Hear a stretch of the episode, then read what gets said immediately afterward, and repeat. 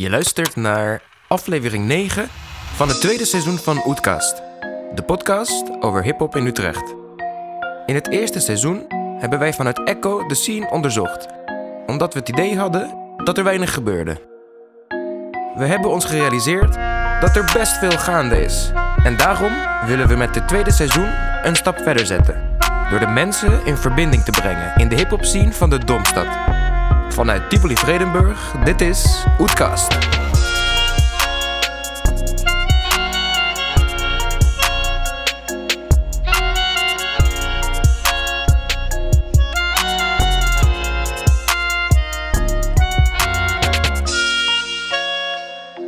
Jee, Zijn we weer. zijn we weer.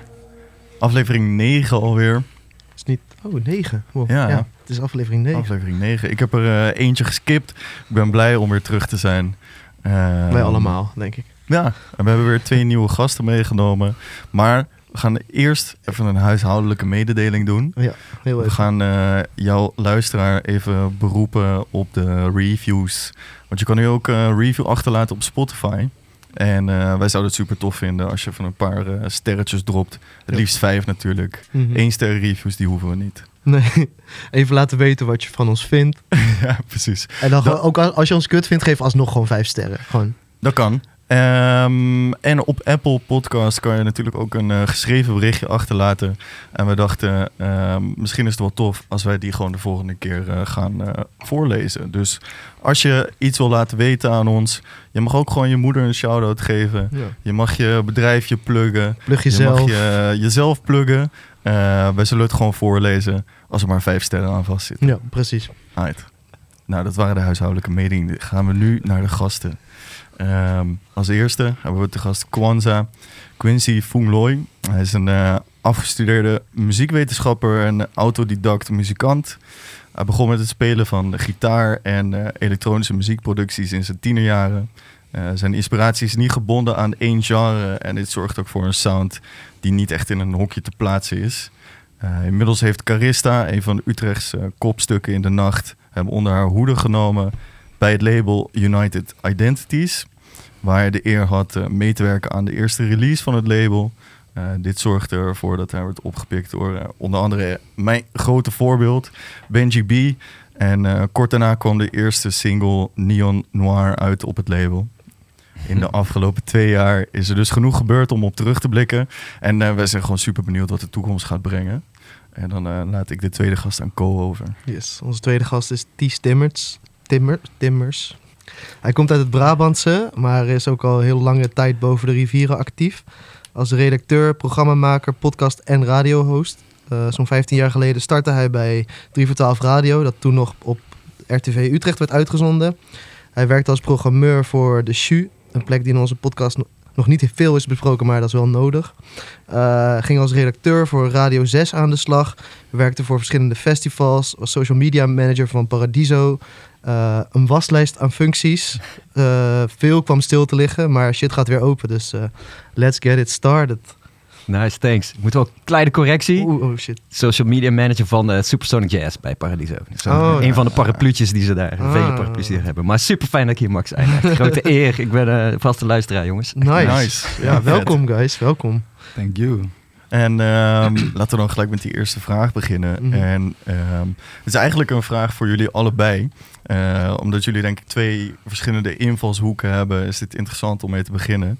Eh, hoe belangrijk is het eigenlijk als beginnende artiest om een push te krijgen vanuit een, eh, een label, distributeur en of eh, management? Wie wil hem aftrappen? Ja, eh, nou ja, ik denk omdat jij, je vertel- net verteld over Kwanzaa dat jij het net hebt meegemaakt met Carista. Ja. Dus ik dacht, Ja, hoe belangrijk, ja, jij kan dat heel goed vertellen. Ik kan er ook iets over vertellen natuurlijk. Maar als artiest, Ja, ja. ja, dat ben jij. Ehm, nou ja, voor mij was het goed. Maar ik zie ook wel echt heel veel mensen die het ook zonder kunnen. Ik denk wat dat betreft zijn de tijden misschien ook wel wat veranderd.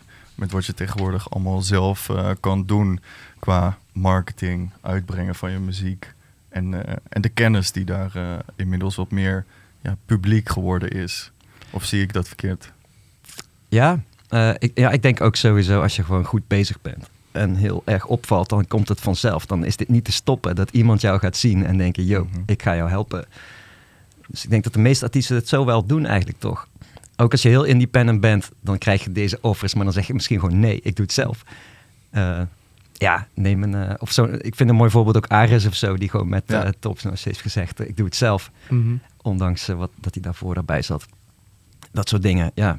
Ja, je krijgt Kan ook misschien, omgedraaid. ja, misschien maar krijg je op een gegeven moment ook, krijg je wel in het begin, ja. op een gegeven moment krijg je misschien ook ongevraagd advies en denk je, ja, dit neem ik gewoon mee. En, Ja, en het is ook gewoon een stukje van de pie natuurlijk, wat je uiteindelijk eh, moet delen met anderen. Ja, ik ben natuurlijk vooral boeker als boeker werkzaam bij Radar Agency en daar inderdaad neem maar een klein stukje van die pie. Maar dat is wel het idee dat je als boeker ook scout en oplet van, joh, wat is hier allemaal gaande en wat wordt het next big thing eigenlijk? En daar probeer je zo snel mogelijk mee eh, dan samen te werken als je er echt in gelooft. Ja. En wat, wat heeft het dan voor jou eh, veranderd als artiest, Kwanzaa? Dat je eh, met Carista bij eh, United Identities eh, aan de slag ging? Ehm, oh. Voor mij was het denk ik ehm, een klein beetje anders, omdat ik had heel lang ehm, gewacht met mijn muziek naar, de, naar buiten brengen. Zolang dat zeg maar, mijn muziek iedere keer veranderde en zo. Ehm, en op een gegeven moment was er gewoon een punt dat ik dacht van, oké, I'm ready, zeg maar. Ja.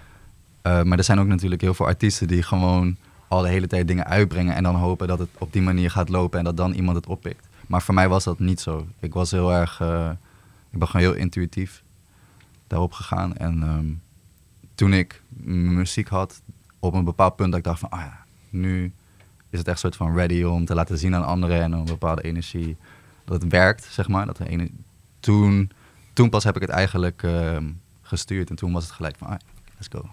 Ja, sick. Ja. Dat is ook wel... ehm, ja, je hebt gewoon echt ge- gewerkt eh, aan de craft voordat je het, Yep. eh, het uitbracht.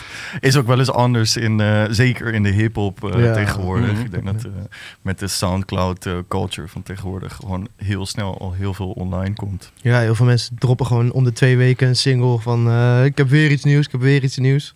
Ja, precies. Ja, dat is ook een tactiek hoor, dat kan heel goed werken. Die werkt allebei, allebei werkt goed. Wat Ja. jij zegt ook, als je gewoon echt helemaal overtuigd bent van ik heb zoiets nice in huis en je hoont je craft helemaal tot dat je het echt ready is om meteen naar grote partijen te sturen. Eh, labels, boekers, noem maar op, wat je maar wil met je project. Ja. Zeker ook een way to go. Maar het leek even de, de enige way voor, voor mij. Het- Nu pas begin ik eigenlijk te zien hoe mensen om me heen het doen. Want daarvoor is ik alleen maar op mijn kamer. Ja, En nu, nu met veel meer andere muzikanten en rappers en artiesten, producers en zo. ehm, gewoon kunstenaars in general. Zit, merk ik van, oh, je kan gewoon al op je zestiende non-stop alles uploaden. En dan tegen de tijd dat je Maar wat, 20 wat weerhield je daarvan, als ik vraag me? Wat, ja, waarom vond je, het- heb je het niet anders gedaan, gewoon gedropt wanneer het er was? Ehm, ja, het is een heel specifiek ding dat mis is gegaan, denk ik, bij mij. Of nee, niet mis is gegaan, maar wat dat heeft getriggerd. Dat was dat ik eh, al heel lang geleden in mijn hoofd had van... oh ja, ik ga één bepaald soort conceptalbum maken. Hm. En ehm, naarmate tijd verstreek, eh, ik verander. En dus de muziek veranderde ook, omdat ik anders keek naar bepaalde concepten. En dat zorgde er gewoon voor dat ik constant diezelfde nummers opnieuw aan het maken was. Nieuwe versies, nieuwe versies. En voor je het weet is het zo lang eh, voorbij en dan ben je alleen maar op jam sessies en heb je nog niks uitgebracht. Hm. Maar ja, nu denk ik van ik had gewoon shit op Soundcloud kunnen uploaden. Ja, dat it. vragen. Zou je niet anders doen? Ja, precies. Ja. Gewoon dro- droppen en... Het was fucking vet geweest als je gewoon, als ik die, als ik toen al die groei had gedocumenteerd. ja. Ja. Maar nu doen we het nu, dus eh, fuck it. Ja. Either way, volgens mij gaat het best lekker. Het gaat best lekker. Ja. Eh, wat ik ook ehm, om hier een beetje verder op in te haken. Voor eh, Neon Noir heb je volgens mij zelf alles geproduceerd, gecomponeerd, ingespeeld. Ja. Ehm, ja, precies wat je net zei. Je zat gewoon zelf eh, op je kamer muziek te maken, working on the craft. Ehm, ook vanwege gebrek aan mensen om je heen die dit misschien op hetzelfde niveau als jij eh, zouden kunnen. In ieder geval voelde het op dat moment. eh, ja, dat was wel een groot probleem inderdaad. Heb je inmiddels wel meer mensen om je heen die dat kunnen? Of ben je daar nog naar op zoek? Ja, nee. Ja, ik ben sowieso op zoek, altijd op zoek. Ja. Ehm, maar inmiddels ehm, ja, heb ik zoveel mensen ontmoet in de afgelopen twee jaar, ja, sinds lockdown eigenlijk. Ja. Ehm, en nu, heb ik, nu kan ik eindelijk echt projecten aangaan die, die en conceptueel iets doen, maar ook het niveau daar zetten, zeg maar. Ja, Want sick. mensen kunnen het begrijpen, maar je moet het ook kunnen manifesteren met Mm. een band bijvoorbeeld. Dus Ja, want dat, dat was een beetje mijn vervolgvraag inderdaad. Van hoe vertaal je dan een track waarin je alles zelf hebt gedaan naar een, een, eh, een live show? Ehm, in eerste instantie waren die, die nummers, had ik, ehm, had ik gemaakt vanuit het idee dat ze speelbaar moesten zijn met een band. Ehm, en daarmee bedoel ik eigenlijk keys, bas, drums en gitaar en mezelf dus. Ehm, dus dat, dat was in principe al gewoon ready. Dat kon gewoon op die manier werken. Alleen ehm, ja, de mensen waarmee ik toen de tijd speelde, het was nog, nog niet op het level dat ik eh, de muziek wilde doen. Dus uiteindelijk heb ik die muziek gewoon verder uitgeproduceerd. Ehm, wat dus eigenlijk eerst een idee was om te laten horen aan de band Mhm. van hé, hey, laten we dit spelen. Zeg maar, maar nu is het dat gewoon. En op dit moment maak ik eigenlijk gewoon de, elektronische de producties. En wil ik juist dat als gewoon toevoegen aan de band. Dus meer 808's en een drummer. En op die manier eh, gaan werken. Ja, sick. Ik was ook wel benieuwd, heb je als boeker, ben je dan ook wel eens met eh, de live show van jouw artiesten bezig? Buiten dan dat je natuurlijk eh, hun op een podium probeert te krijgen, ben je ook echt met hun bezig om de, de show te verbeteren? Ja, absoluut. Ja, heel graag. Er zijn niet, niet alle artiesten vinden dat. Er zijn er Mhm. soms die zeggen die dat gewoon liever. eh, ja, ik bedoel, feedback geven is natuurlijk ook een, een kunst op zich en dat moet je natuurlijk goed doen. En ja, maar in principe ben ik daar altijd eh, heel erg voor om als boeker heel. Ik ben graag betrokken bij mijn acts, dus ik wil gewoon ja ook bij shows zijn en dan feedback kunnen geven. Ik sta dan ook vaak met een, een beetje notes te maken op mijn phone, weet je wel. En die ga ik natuurlijk niet direct naar die show. eh hey, trouwens, dit was eigenlijk niet zo goed of dit. dat doe je dan wat later en dan overleg je weer met z'n allen om die show steeds beter te maken. Ja, dat is zeker wel eh, wat bij werk van boekers hoort, denk ik. Heb jij ehm, eigenlijk een boeker? Ja, ik zit bij Bureau Punt nu. Oh ja, Oh. tuurlijk. Ja. Ja, Bureau Punt vind ik ook best wel een interessante organisatie om nog wat verder op in te gaan. Eh, als je op hun site kijkt, dan eh, staat er ook heel duidelijk dat het voortkomt uit een soort frustratie van een, eh, gebrek aan diversiteit in Amsterdamse nachtleven. Hoe, hoe vind jij dat het gesteld is met de diversiteit in Utrecht? Ehm, de jongens zijn er gewoon. Dus Ja. ehm, of ze de, het podium krijgen dat ze verdienen, nou, valt, valt tegen. Maar ze zijn er wel. Mhm. En ze, het maakt ze ook niet uit dat het niet op die manier gegeven wordt. Ze zoeken gewoon een andere weg. Dat is super dope. Zo ben ik zelf ook. Ja, met eh, Car- Carista in gesprek bij eh, NTS Radio hadden die ook eh, heel kort eventjes over de Utrechtse scene. En, en allebei was de conclusie eigenlijk, there's, there's a lot of work to do. Yep, yep, definitely. Hoe kijk jij daar tegenaan? ja, eh, helemaal mee eens. Absoluut. Ja, ehm, ik heb daar ook al wel eens... Ja, wij, wij zitten bij Radar Agency, vertegenwoordigen best wel heel diverse acts. En ehm, daar staan we ook onbekend, denk ik. Er zijn heel veel festivals die ons daarvoor benaderen, omdat ze juist iets willen van wat iets aparter is of zo, of net wat anders en dus ook diverser. Mhm. Daarvoor komen ze ook vaak bij ons. Eh, wij zijn er als boekers ook echt mee bezig om het roster echt ook zo actief te houden en ook echt podium te geven en, en te werken voor artiesten die dat gewoon nu, eh, die misschien ja, wat harder nodig is nu. Ehm, alleen in Utrecht, ja, daar heb je natuurlijk hier Tivoli Vredenburg, daar zie je van alles. Dat is heel nice. En, en dan heb je Echo, D-Base, AQ, ehm, de Helling.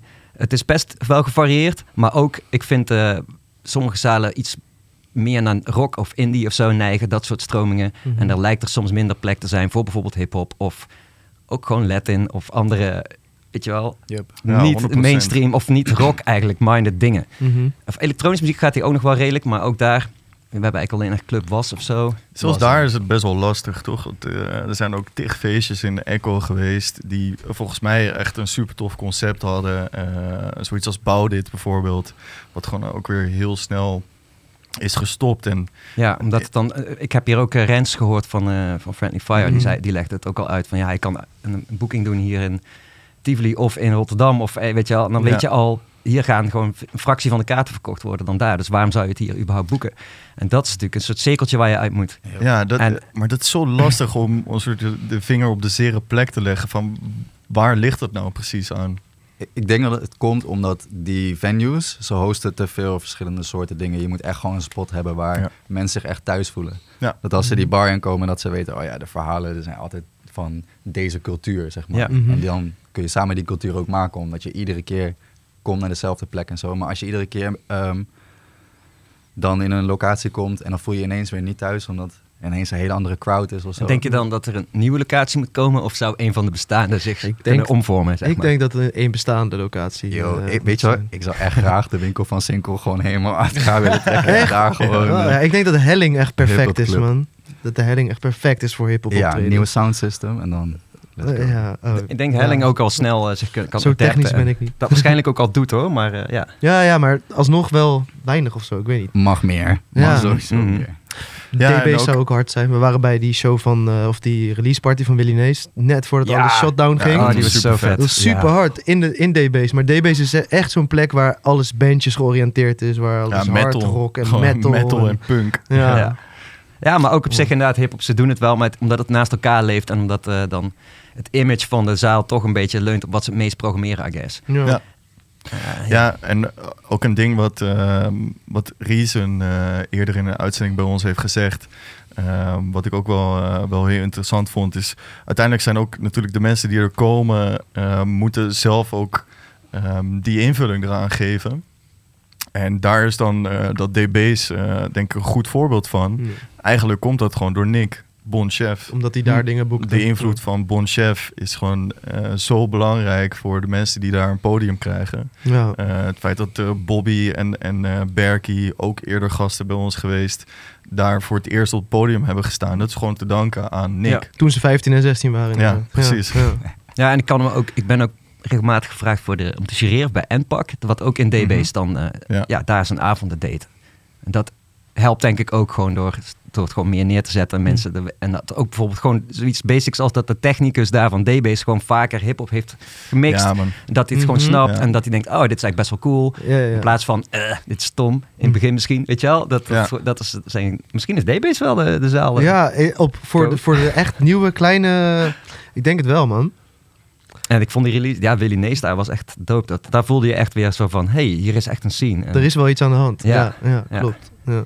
Ja, het was ook zo'n eh, plek waar iedereen toen, eh, toen samenkwam. En eh, er zijn op zich wel meer voorbeelden van. Dat je, ik vind Mhm. La Cassette, waar jij hier in de radioshow te gast was, vind ik ook een goed voorbeeld daarvan.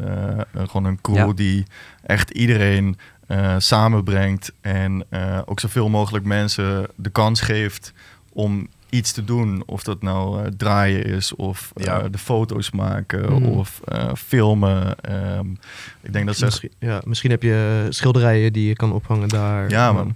Hetzelfde idee is bij eh, Open in de Helling ook wel gaande, toch? Eh, Ja. zijn jullie daar wel eens geweest? Ja, zeker. Jij ik woon daar dus echt vlakbij, dus ik Ah, ging ja. daar echt elke woensdag heen. Ja, ook bij Niet Machine wel ook dan niet machine en bij? Open ook, absoluut. Shout-out Of, eh, Sander. ja. Nou, bij Ja, eh, Ongerept ook nog. Ja. ja. Ja, klopt. Die had de laatste Sander inderdaad, avond. ja, niet machine. Dat was ook wel heel tof. Bijvoorbeeld bij, eh bij La Cassette dus. Mhm. Shout-out La Cassette. Die feestjes in, ehm, hoe heet het? Filmcafé. nee, nee, Oh. nee, nee, buiten. Bij, ehm, In Park- Park, Transwijk. Oh ja, dat was hard, man. dat is het. Zeg maar, snap je, dan heb je een nieuwe plek en dan Ja. begin je gelijk van scratch. Mhm. Mensen komen met hun USB-stick en go. Ja. Eigenlijk zou, nou ja, boys, mees, breid die shit uit. Ja, eh, Zorg dat er wel mics komen. Ja, Eh, ik dacht ook nog, misschien is dat meer echt vanuit Boeker geredeneerd of zo. Maar al- ik ben natuurlijk ook met mijn acts, ik heb ook andere acts buiten Utrecht, die ik dan naar Utrecht wil halen. Ook hip-hop bijvoorbeeld. En dan denk ik ook, waar de fuck ga ik dat neerzetten? Mhm. Waar, waar, en sowieso welke zaal gaat de juiste promo doen, zodat de fans hier ook de kaartjes, dat ze weten dat het er is en kaartjes kopen. En dat is best lastig, ja. En ik heb daar ook echt gesprekken over gehad met de programmeur van Echo, met, ehm, eh, ook met La Cassette Boys en met, eh, nou, met allemaal mensen die ik dan, Mhm. zo, zo probeer ik dat dan te doen, weet je wel, omdat ik hier woon. Van oké, alle mensen die ik ken, gewoon even mee praten. Maar ehm, toen kwam ineens achter dat ze dus eh Tivoli Vredeburg, programmeur hip-hop, ineens in dienst heeft genomen. Ja, Raymond. zeker. Raymond. Juist. Shout-out naar Raymond. Ja, ja man. Dat is dus echt heel dope. Hij heeft echt mooie plannen en ook heel mooi signaal van de Tivoli eigenlijk om hip-hop meer op de kaart hier te willen zetten. Ja man, de Ja. eerste, eerste man in eh, Tivoli met een do-rag. Ja. ja, Ja, was nodig. dingen zijn aan het veranderen. Ja, Ja, dus wie weet. En nu heb ik eh, bijvoorbeeld een show kunnen boeken voor een van die artiesten. Die dan nu ergens in april eh, in Utrecht hier staat gepland in, de, in een klein zaaltje natuurlijk. Maar toch, het is Ja. een begin. En dat Ja. komt echt door Raymond. ja tof. Ja, je ziet ehm, dat de welwillendheid, denk ik, in de laatste twee jaar wel... Of misschien niet alleen de welwillendheid. Het is een combinatie van... Weet je, je hebt één, eh, die gasten van eh La die het gewoon zelf gaan doen.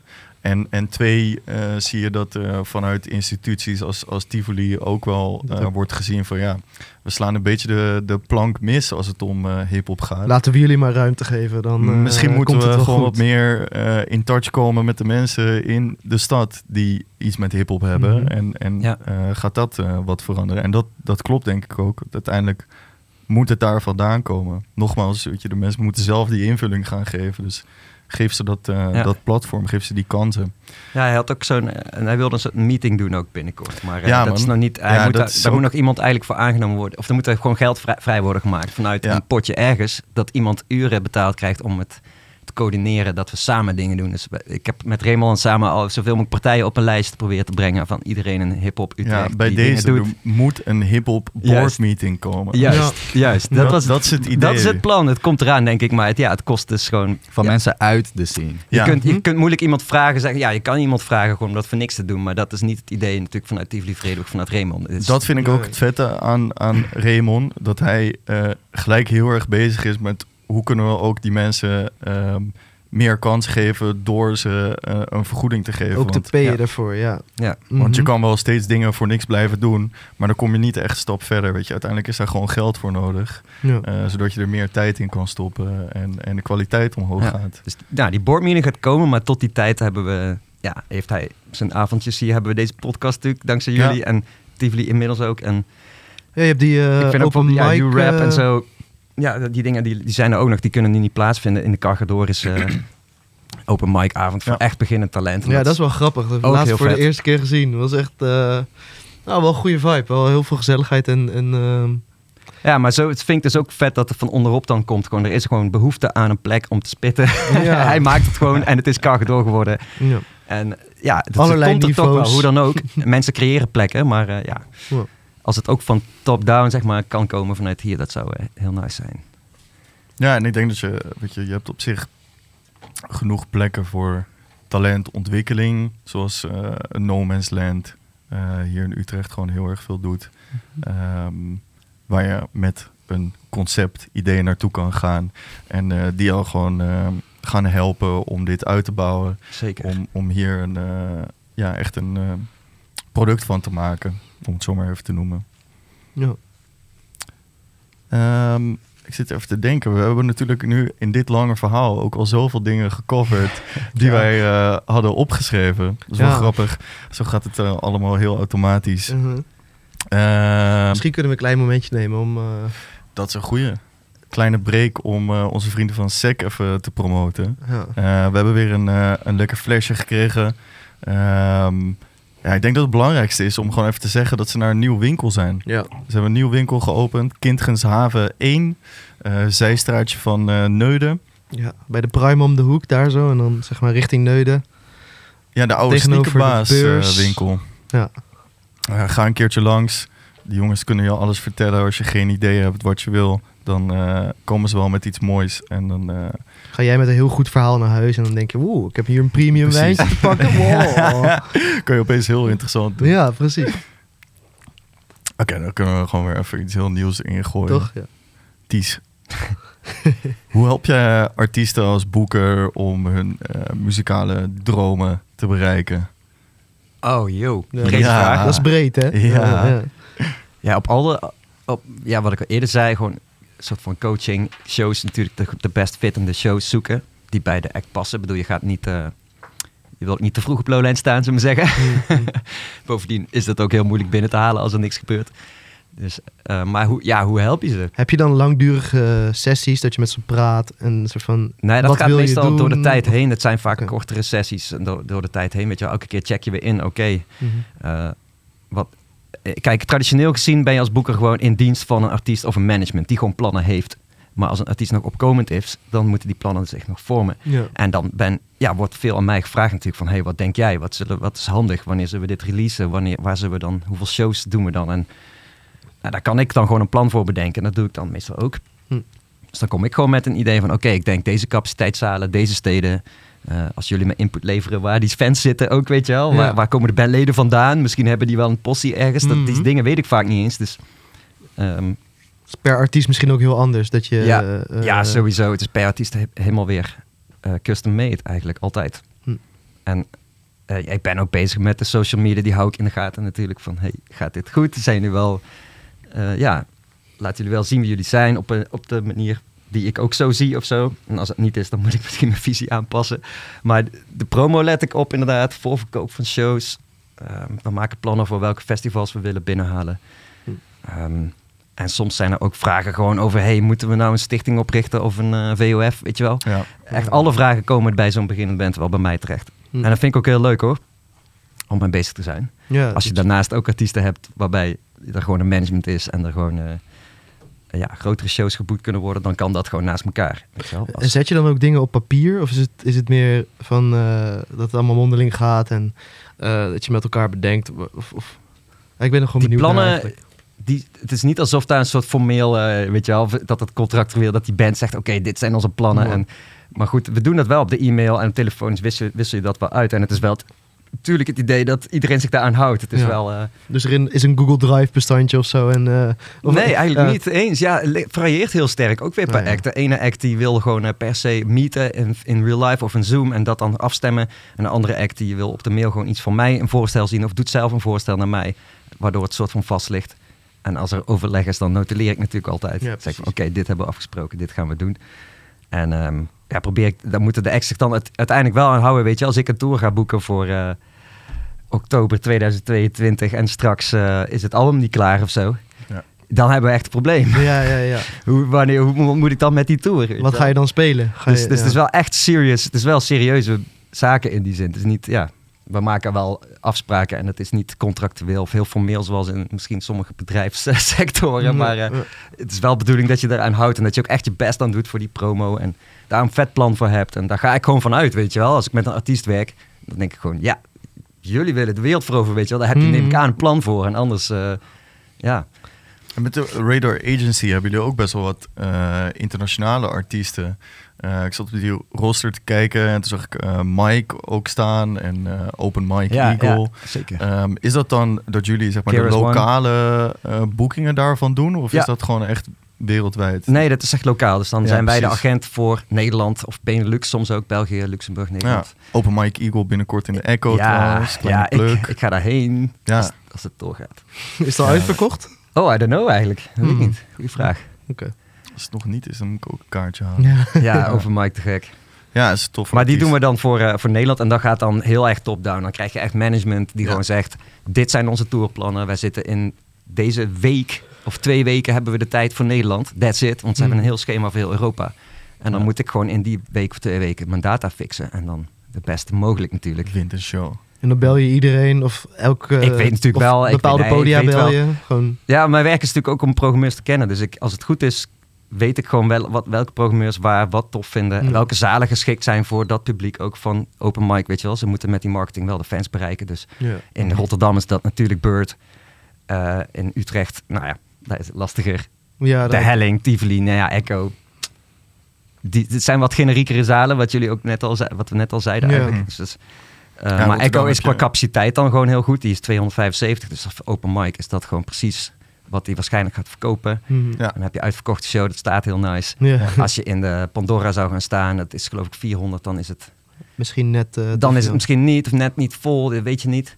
En dat bespreek je ook met de programmeur, weet je wel. Dat soort deals van wat zou de opkomst kunnen zijn. En daar hangt zelfs de hele gage, wat dus uiteindelijk de artiest verdient, komt daar, hangt daar zelfs vanaf, weet je wel. Van je kaartprijs en je verwachte opkomst. Ja. Dat vermenigvuldig je gewoon met elkaar, trek je de kosten vanaf, hier is je gage.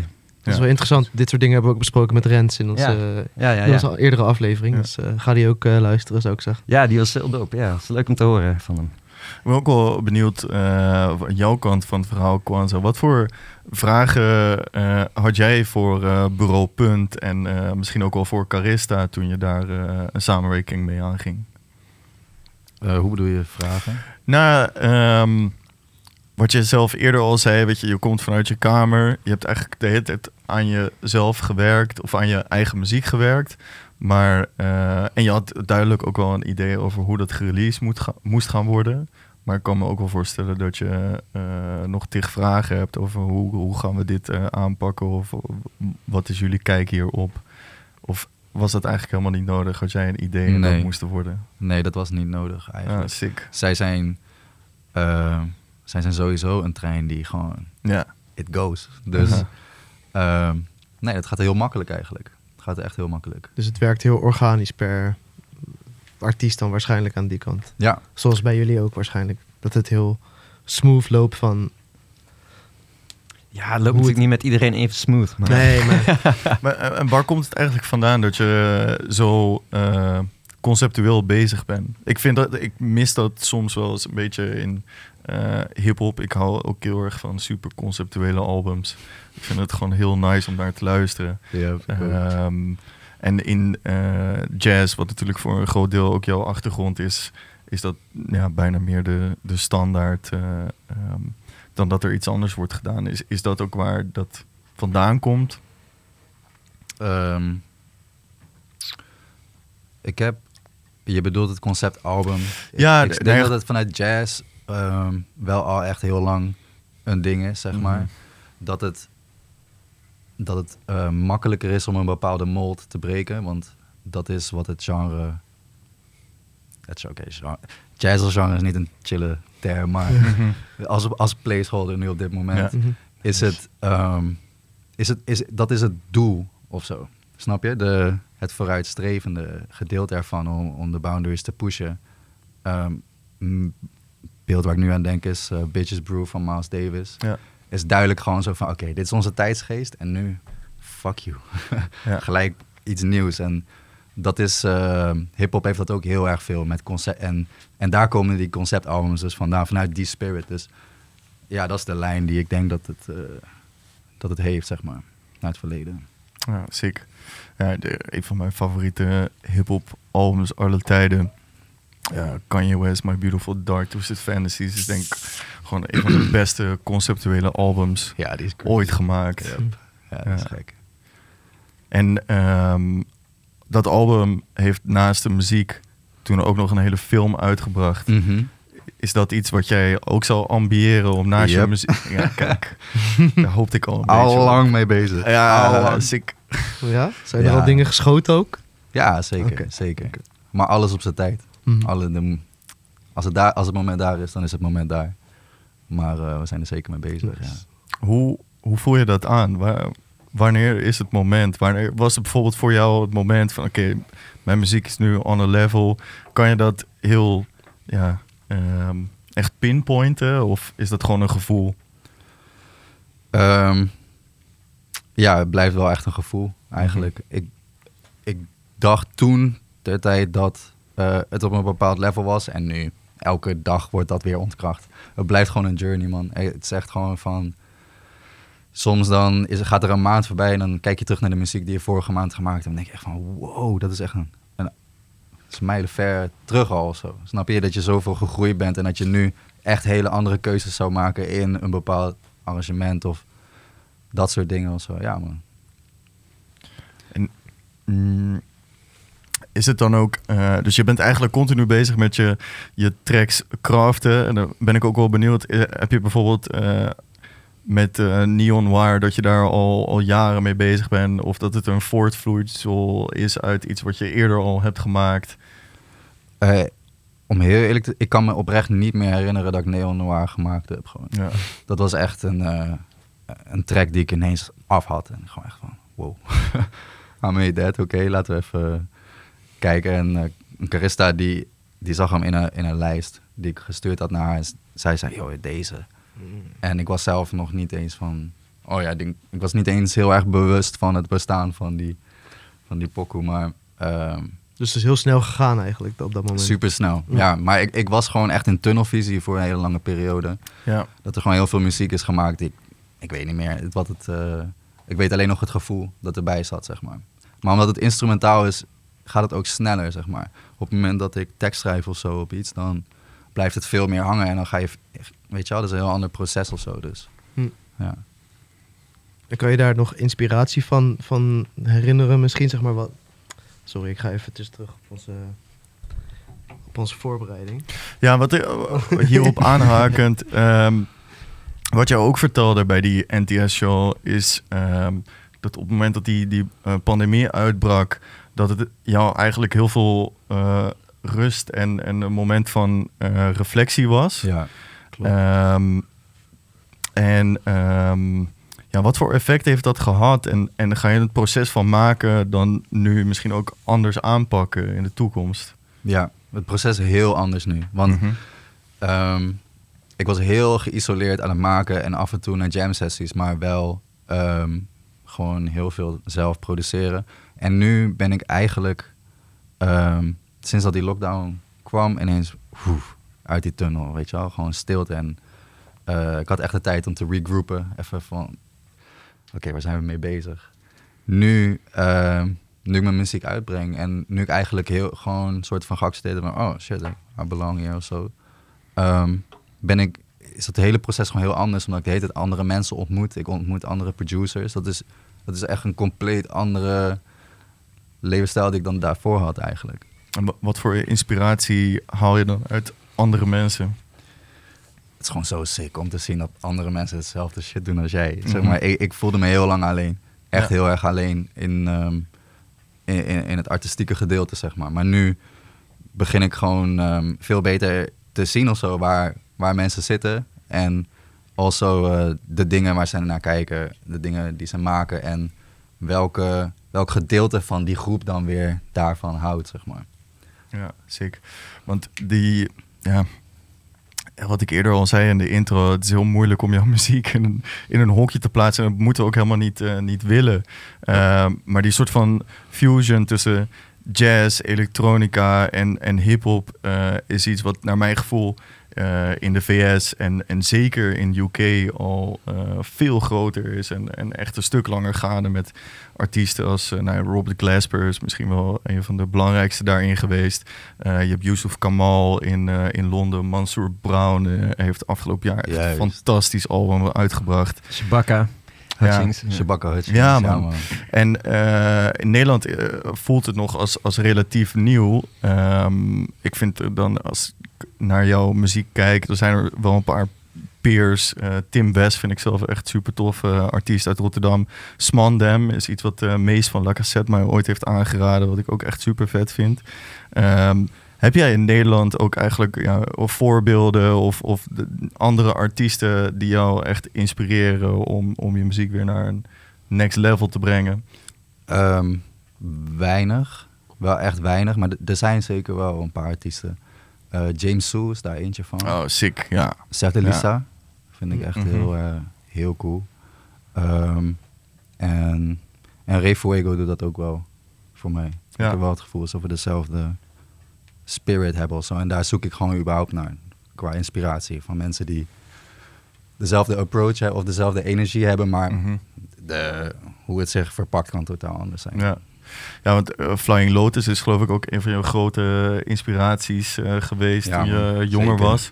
James Sue heeft volgens mij ook een tijd bij zijn label gezeten. Ik weet niet of dat nog steeds zo is. Ja, volgens mij is dat nieuwe project ook weer bij Brainfeed. Ja, toch? Ja. ja. want ik vind dat ook super tof verhaal. James Sue, ook een, volgens mij komt hij uit Dordrecht, als ik me niet Den vergis. Den Bosch.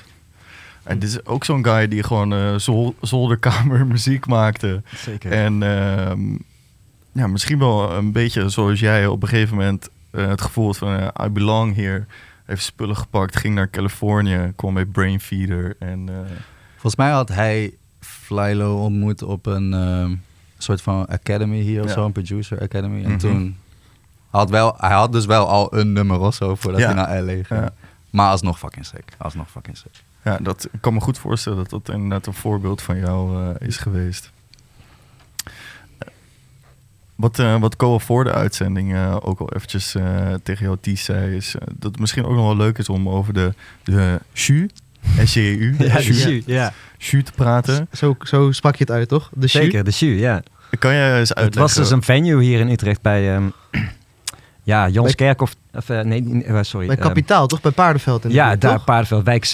En dan zo, Ja. maar net het straatje in zo vanaf... eh, ja, waar die winkels zo... eh, Jacobi-straat bedoel ik. Jacobi-kerk en daar Ja, tegenover ja. inderdaad. Zo'n straatje in de Varkenmarkt. En dan een trap af, de kelder in. En dan kom je in zo'n rokerige, Mhm. donkere jazzkelder eigenlijk. Precies wat je... Wat je, Wat je wil. zeg maar, die je wil van jazz, dat was dat gewoon. Alleen deden ze daar dus veel meer dan jazz. Eh, Echt allerlei muziekgenres konden daar wel een plekje vinden. Je had bijvoorbeeld zo'n DJ-duo hier in Utrecht, heette Naald en Kraak. En die draaiden alleen maar rock and roll singeltjes. Nou, die konden daar een vaste avond gewoon elke donderdag Oh. terecht. Ik had elke vrijdag mijn funk en soul avond. Ehm, super vet. Ik, mocht, ik kon als een van de eerste Jungle Night boeken en zo. En, eh, en ik, maar ook Mm, Chef ziek. Special of, of My Baby en zo. Dat, en, en Jet Rebel zelfs, die heeft Ja. ook nog opgetreden toen hij Wauw. 16 was. Als Fubros, de Funk Brothers. En de. Kite Man is daar ook een soort En van... precies, en toen op een gegeven moment kwam eh Ilko Topper. Ik weet niet of jullie die kennen, maar shout-out naar Ilko Shout-out. Topper. Die heeft eh, het idee op, op, in ieder geval, die heeft de band geleid van de jam sessie, daar de eh, Rijmtijd, die daar elke maand op een gegeven moment Mm, ja, was, op hier heb ik woensdag. wel over gehoord van... eh, ja. Ja, en daar was inderdaad, iedereen was daar, gewoon de hele hip-hop scene was daar elke, elke maand gewoon aanwezig om te kijken van wie heeft de ballen om op het podium te gaan staan met die live band, geleid door Ilke Topper. Ja. Dat was een soort open te gaan mic. spitten, weet je wel. Ja, en het is gewoon eh, impro. Het is wel echt een sessie die geopend werd door een artiest, maar daarna was het gewoon, kom maar, weet je wel. Als jij Ja. denkt dat je kan spitten, kom maar, laat maar zien. En de bar was best hoog en het, was, en het was vol gewoon. Het stond de rij buiten elke maand. En dat gevoel, eh, dat is echt zo nice. Dat, dat zou mooi zijn als dat terugkomt ergens. Ja, dat is ook wat Bon Chef een beetje doet nu, eh, of Ja, deed, ja, eh, in D-Base, ja, toch? Dus zeker. Ja, en volgens De mij is het ook wel iets wat, eh, wat Raymond eh, heel erg Dat ambieert. hij Ja. ook wil gaan proberen zo'n soort concept eh, eh, Ja. vanuit Tivoli Mhm. neer te gaan Ja. zetten. Maar dat was echt heel vet, ja. Dat waren ja, rappers als Pax, maar ook... eh, ik denk dat Stropschriks waren volgens mij ook wel. En, maar ook allemaal mensen die, die niet, niet meer echt...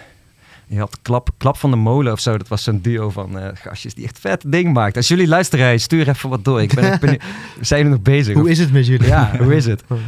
Eh, ja, en je had Sketchy Raps en zo. En eh, Master Surreal, die een beetje meer boom bap maakte. Hm. En heet ze, Kernkoppen. Nou ja, Mm, ja.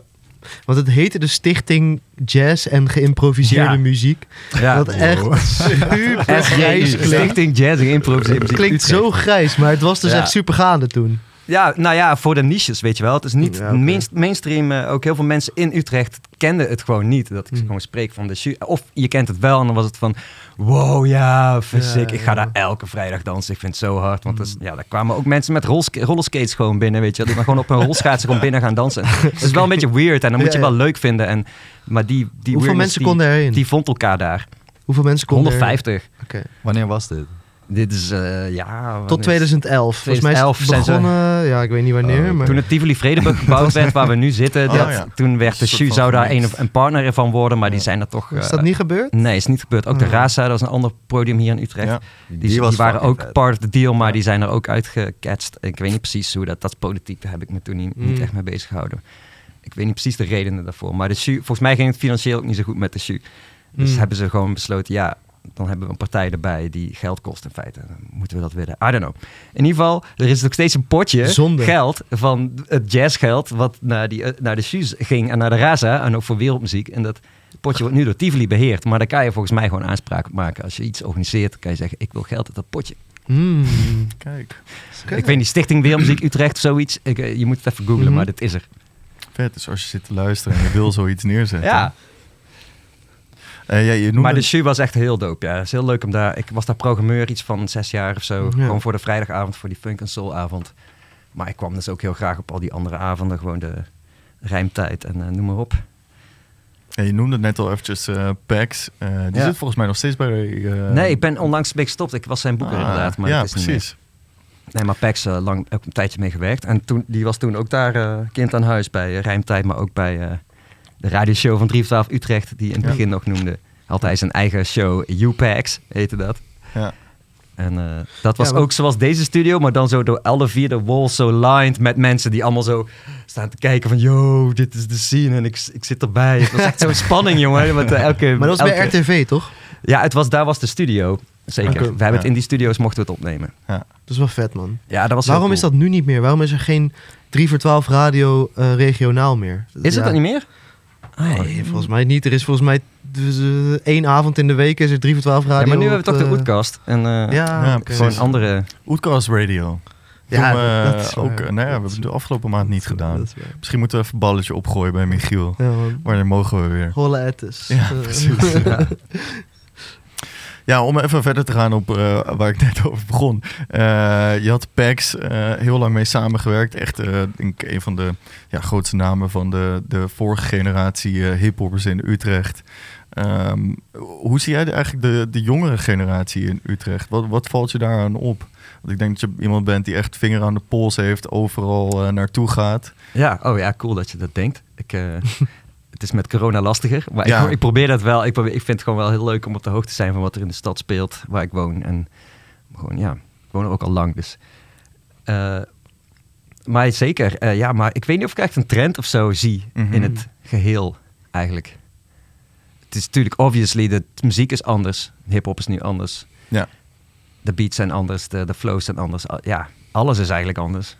Maar dat is niet per se heel afwijkend van de rest van Nederland. Misschien dat Utrecht wat meer eh, real is of zo. Heb ik toch wel het idee in de teksten en de vibes. Het is gewoon niet zo eh, braggy. Wel soms een beetje, maar niet...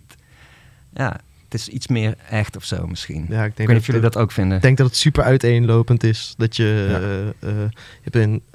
Ja... Ik ga niet... Mensen kunnen nog wel. Super veel. Nou, ja.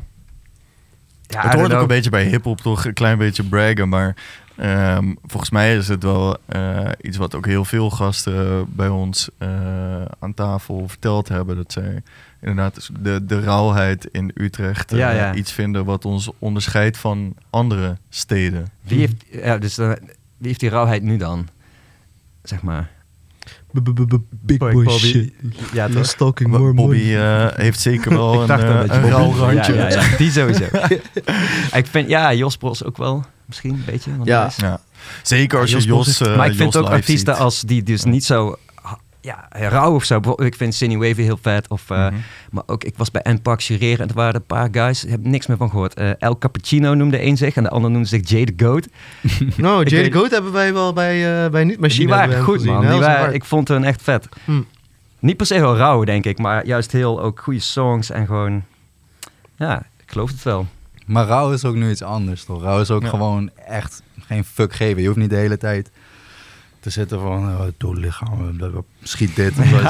Nee. Snap je? Het is Ja. ook gewoon... Bijvoorbeeld, ik vind nou kan ook echt rauw als fuck gewoon. Ja, man. Ja, klopt. zeker. Dat is inderdaad Maar hij is eh, ook echt happy. een goed voorbeeld. Ja. Maar hij is ook heel humoristisch inderdaad. Hij heeft Mhm. ook eh, wel... Ja, ja. Ja, man. Shit is changing gewoon. Ja. Zij nu een beetje aan het afstappen van die... eh Het is misschien wel klaar met de labels. Shit en, eh, Ik denk wel, de, zeg maar, de rauwheid van Utrecht zit er meer in dat eh, de mensen die hier ehm, muziek maken, in ieder geval wat ik in hip-hop zie, vaak gewoon iets anders doen dan eh, de ge- gebaande paden, zeg maar. En Mhm. Nelcon is daar een goed voorbeeld van. Die, die heeft flows die je nergens anders hoort. Ehm, Bobby en Berkey en de hele Big Boy Shit crew is daar Mhm. een goed voorbeeld van. Eh, vroeger waren stropstrikkers daar natuurlijk een goed voorbeeld van. En, en ook Pax is denk ik iemand die eh, wat anders doet dan Ja. Ja, nog Ja. steeds, zeker. De meeste acts. Gloyd doet iets heel geks. Dit Ja. is heel anders dan wat mensen nu aan het doen zijn. Ga Gloyd checken allemaal, zou ik zeggen. Koens, Koens Sosa is denk ik ook nog iemand eh, die eh, ja, aan het begin van zijn carrière staat en, en ook echt eh, wat anders probeert neer te Mhm. zetten. Ja. Zwaar geïnspireerd door eh, de Scandinavian eh, Ja. hip-hop van Ja, de afgelopen ja. tien jaar. Ik vond Duimelot trouwens ook heel vet. Ja, ja, dat is ook om te benoemen. Ja. Duimelot eh, moet ook een keer te gast komen. Ja. Duimelot, zit je te luisteren? Kom, kom een keertje langs. Dat weet hij al, dat weet hij al. Ja. Pull up. Ja. Ja, want eh, we hadden het eerder over, eh, over Raymond in Tivoli en eh, jij als boeker, eh Ties. Wat, wat voor acts eh, zouden er komend jaar eh, in Tivoli Vredenburg eh, moeten komen? Wow. Moeilijke vraag weer. Weer een Ja. hele brede vraag. Ja. Nou, ik denk wat Raymond nu voor ogen heeft, dat dat super is. Om gewoon Ja. een jam sessie hier in huis te hebben. Die als een soort. Die ook mooi in een andere level zit dan bijvoorbeeld wat in de Cargador of in de D-Base gebeurt. Het is een soort trappetje. Weet je wel, dit is wel Tivoli Vredeburg. Dus ik zou dan voorstellen dat dit wel de soort van jam sessie is waar je echt, als je nog niet helemaal comfortable voelt, dan ga je hier gewoon niet meedoen, denk nee. ik. Zo van, dan ga je eerst naar die andere misschien. Dat zou ik vet vinden als er een soort, ook, eh, dat ze niet allemaal hetzelfde gaan doen, weet je wel. Maar dat er wel ook een soort, als een soort trap voelt van, Mhm. yo, als je hier gaat, eh, op, op- bij die eh, live band eh, wordt het, geloof ik. En dan, als je hier gaat rappen, dat het dan wel echt goed moet zijn. Ja, ze hebben Formula C hebben En- ze gehad bij, bij die open mic dingen. Hij is teringhard, man. Hij kan kapot goed rappen. Formula C. Siske, jou. Ja, de eerste editie is laatst geweest, hè? Of, Mhm, ja. dan zonder publiek. Ja. Maar dat moet natuurlijk met publiek worden. En dan, eh, want dat is denk ik super belangrijk met publiek. Je moet gewoon die, die, dat gevoel van een scene. Krijg je alleen als mensen er gewoon zijn. Ja. En naar elkaar kijken en, en dat ervaren. En ik denk dat zoiets enorm veel gaat doen. Ja, en dat dat weer de volgende stap kan verder brengen door gewoon meer artiesten hier naartoe te halen. Omdat mensen dan hun weg hier naartoe vinden en weten van, oh wacht, ik kan hier gewoon vette, ook vette hip-hop zien. Ja, precies wat jij eerder ook al zei. Dat, dat je je thuis voelt omdat je de mensen om je heen hebt waar, waar je eh, graag mee hangt. En, Ja. en dat iedereen ehm, ja, naar dezelfde plekken komt, zeg maar. Ja, en dat je ze ziet en dat je ze de volgende keer weer ziet. Ja. Ja. Zo van, oh, weet je wel. Ja, maar ja, dus corona is nu nog een beetje lastig. Maar ook hier bijvoorbeeld, bij zo'n opname. Je zou eigenlijk willen dat Ja. gewoon iedereen die maar wil komen of zo. Ja. niet, het moet niet druk worden. Hier zit iemand van Tivoli natuurlijk productie bij. Nee, maar we hebben hier een, we wel meer een maar van precies, er is hier zo'n glazen wand waar mensen goed kunnen chillen. Of, of stel dat hier een concert is van, noem, noem iemand, whatever die in de Pandora speelt. Dat er hier tegelijk bijvoorbeeld, dat jullie die artiest interviewen. Dat er hier mensen zijn die daarbij Dat komen is, eh, kijken. is wel het idee. Ja, ja. toch? En dan, dat is hoe je volgens mij een scene maakt. En ik Ja. heb er wel zin in. Ja. Ja, ik denk uh, wij allemaal eh, daar super veel zin in hebben. En ja, eigenlijk iedereen die we eh, in de afgelopen twee jaar gesproken heeft, denkt er precies hetzelfde over. Oh, Volgens mij cool. eh, Ja. gaan we dit weekend ook weer opengooien. Ik hoorde zoiets. Ja, Dus, zeker. Let's go. Ja. Voor als je deze podcast nou na een jaar even terugluistert. Dit is bijna 12, 12 februari en alle clubs hebben besloten open te gaan. Ja. Dus dit, is die, dit is die dag, weet je. Ja, ja. je weet het misschien nog. Ja, dat gaat zo trippy voelen als je terugluistert. Ja. Ja, ik wil echt niet meer terugluisteren naar de podcast eh, die we twee jaar geleden maakten. Het zou niet best Nee, zijn. Ik denk dat het voor iemand die muziek maakt precies hetzelfde is. Ja, je moet door. Je ja, moet door. precies. Je, die laatste vind je altijd het vetste. ja. Ik vond ze heel cool om ze terug te luisteren, die oude. Vet. Aanradertje, wel leuk. Juist omdat het ook technisch nog een beetje hapert. Dat is mooi om te horen. Gewoon, ja. Ja, zeker weten. Ja, we hadden eh, een microfoon met een, eh, een sok erop. Eh, Meerdere. vanuit Ja. vanuit de, de woonkamer als het ware. ja en nu tof. zitten we hier. Ja. Het kan verkeren. ja. Ik zit even te kijken. Volgens Ik mij denk- zijn we er. Ja, man. Ik denk dat we weer een leuke uitzending hebben gehad. En ehm, Moeten we gewoon op naar de volgende, precies. denk ik. De trein gaat door, Ja. zoals eh Kwanza al zei. Eh, Ik wil jullie bedanken, man. Ties, jij ja, bedankt. graag gedaan. Jullie Dank bedankt. Quincy, jullie. jij bedankt. Eh, ik hoop jullie snel weer te zien eh, bij een optreden. Waar de scene dan samenkomt. Mhm. En, April open mic, wie weet. Of Ja. misschien al eerder. Ja. Ehm, dan moeten we ook nog even een bedankje eruit gooien naar eh Charlie. Kijk nu recht in zijn camera. Thanks man.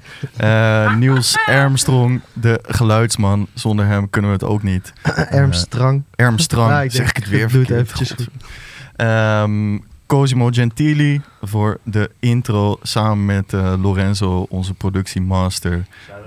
Nog één keer, shout-out naar Lorenzo. Shout-out naar Lorenzo. Eh Steven Offerhaus voor de illustratie.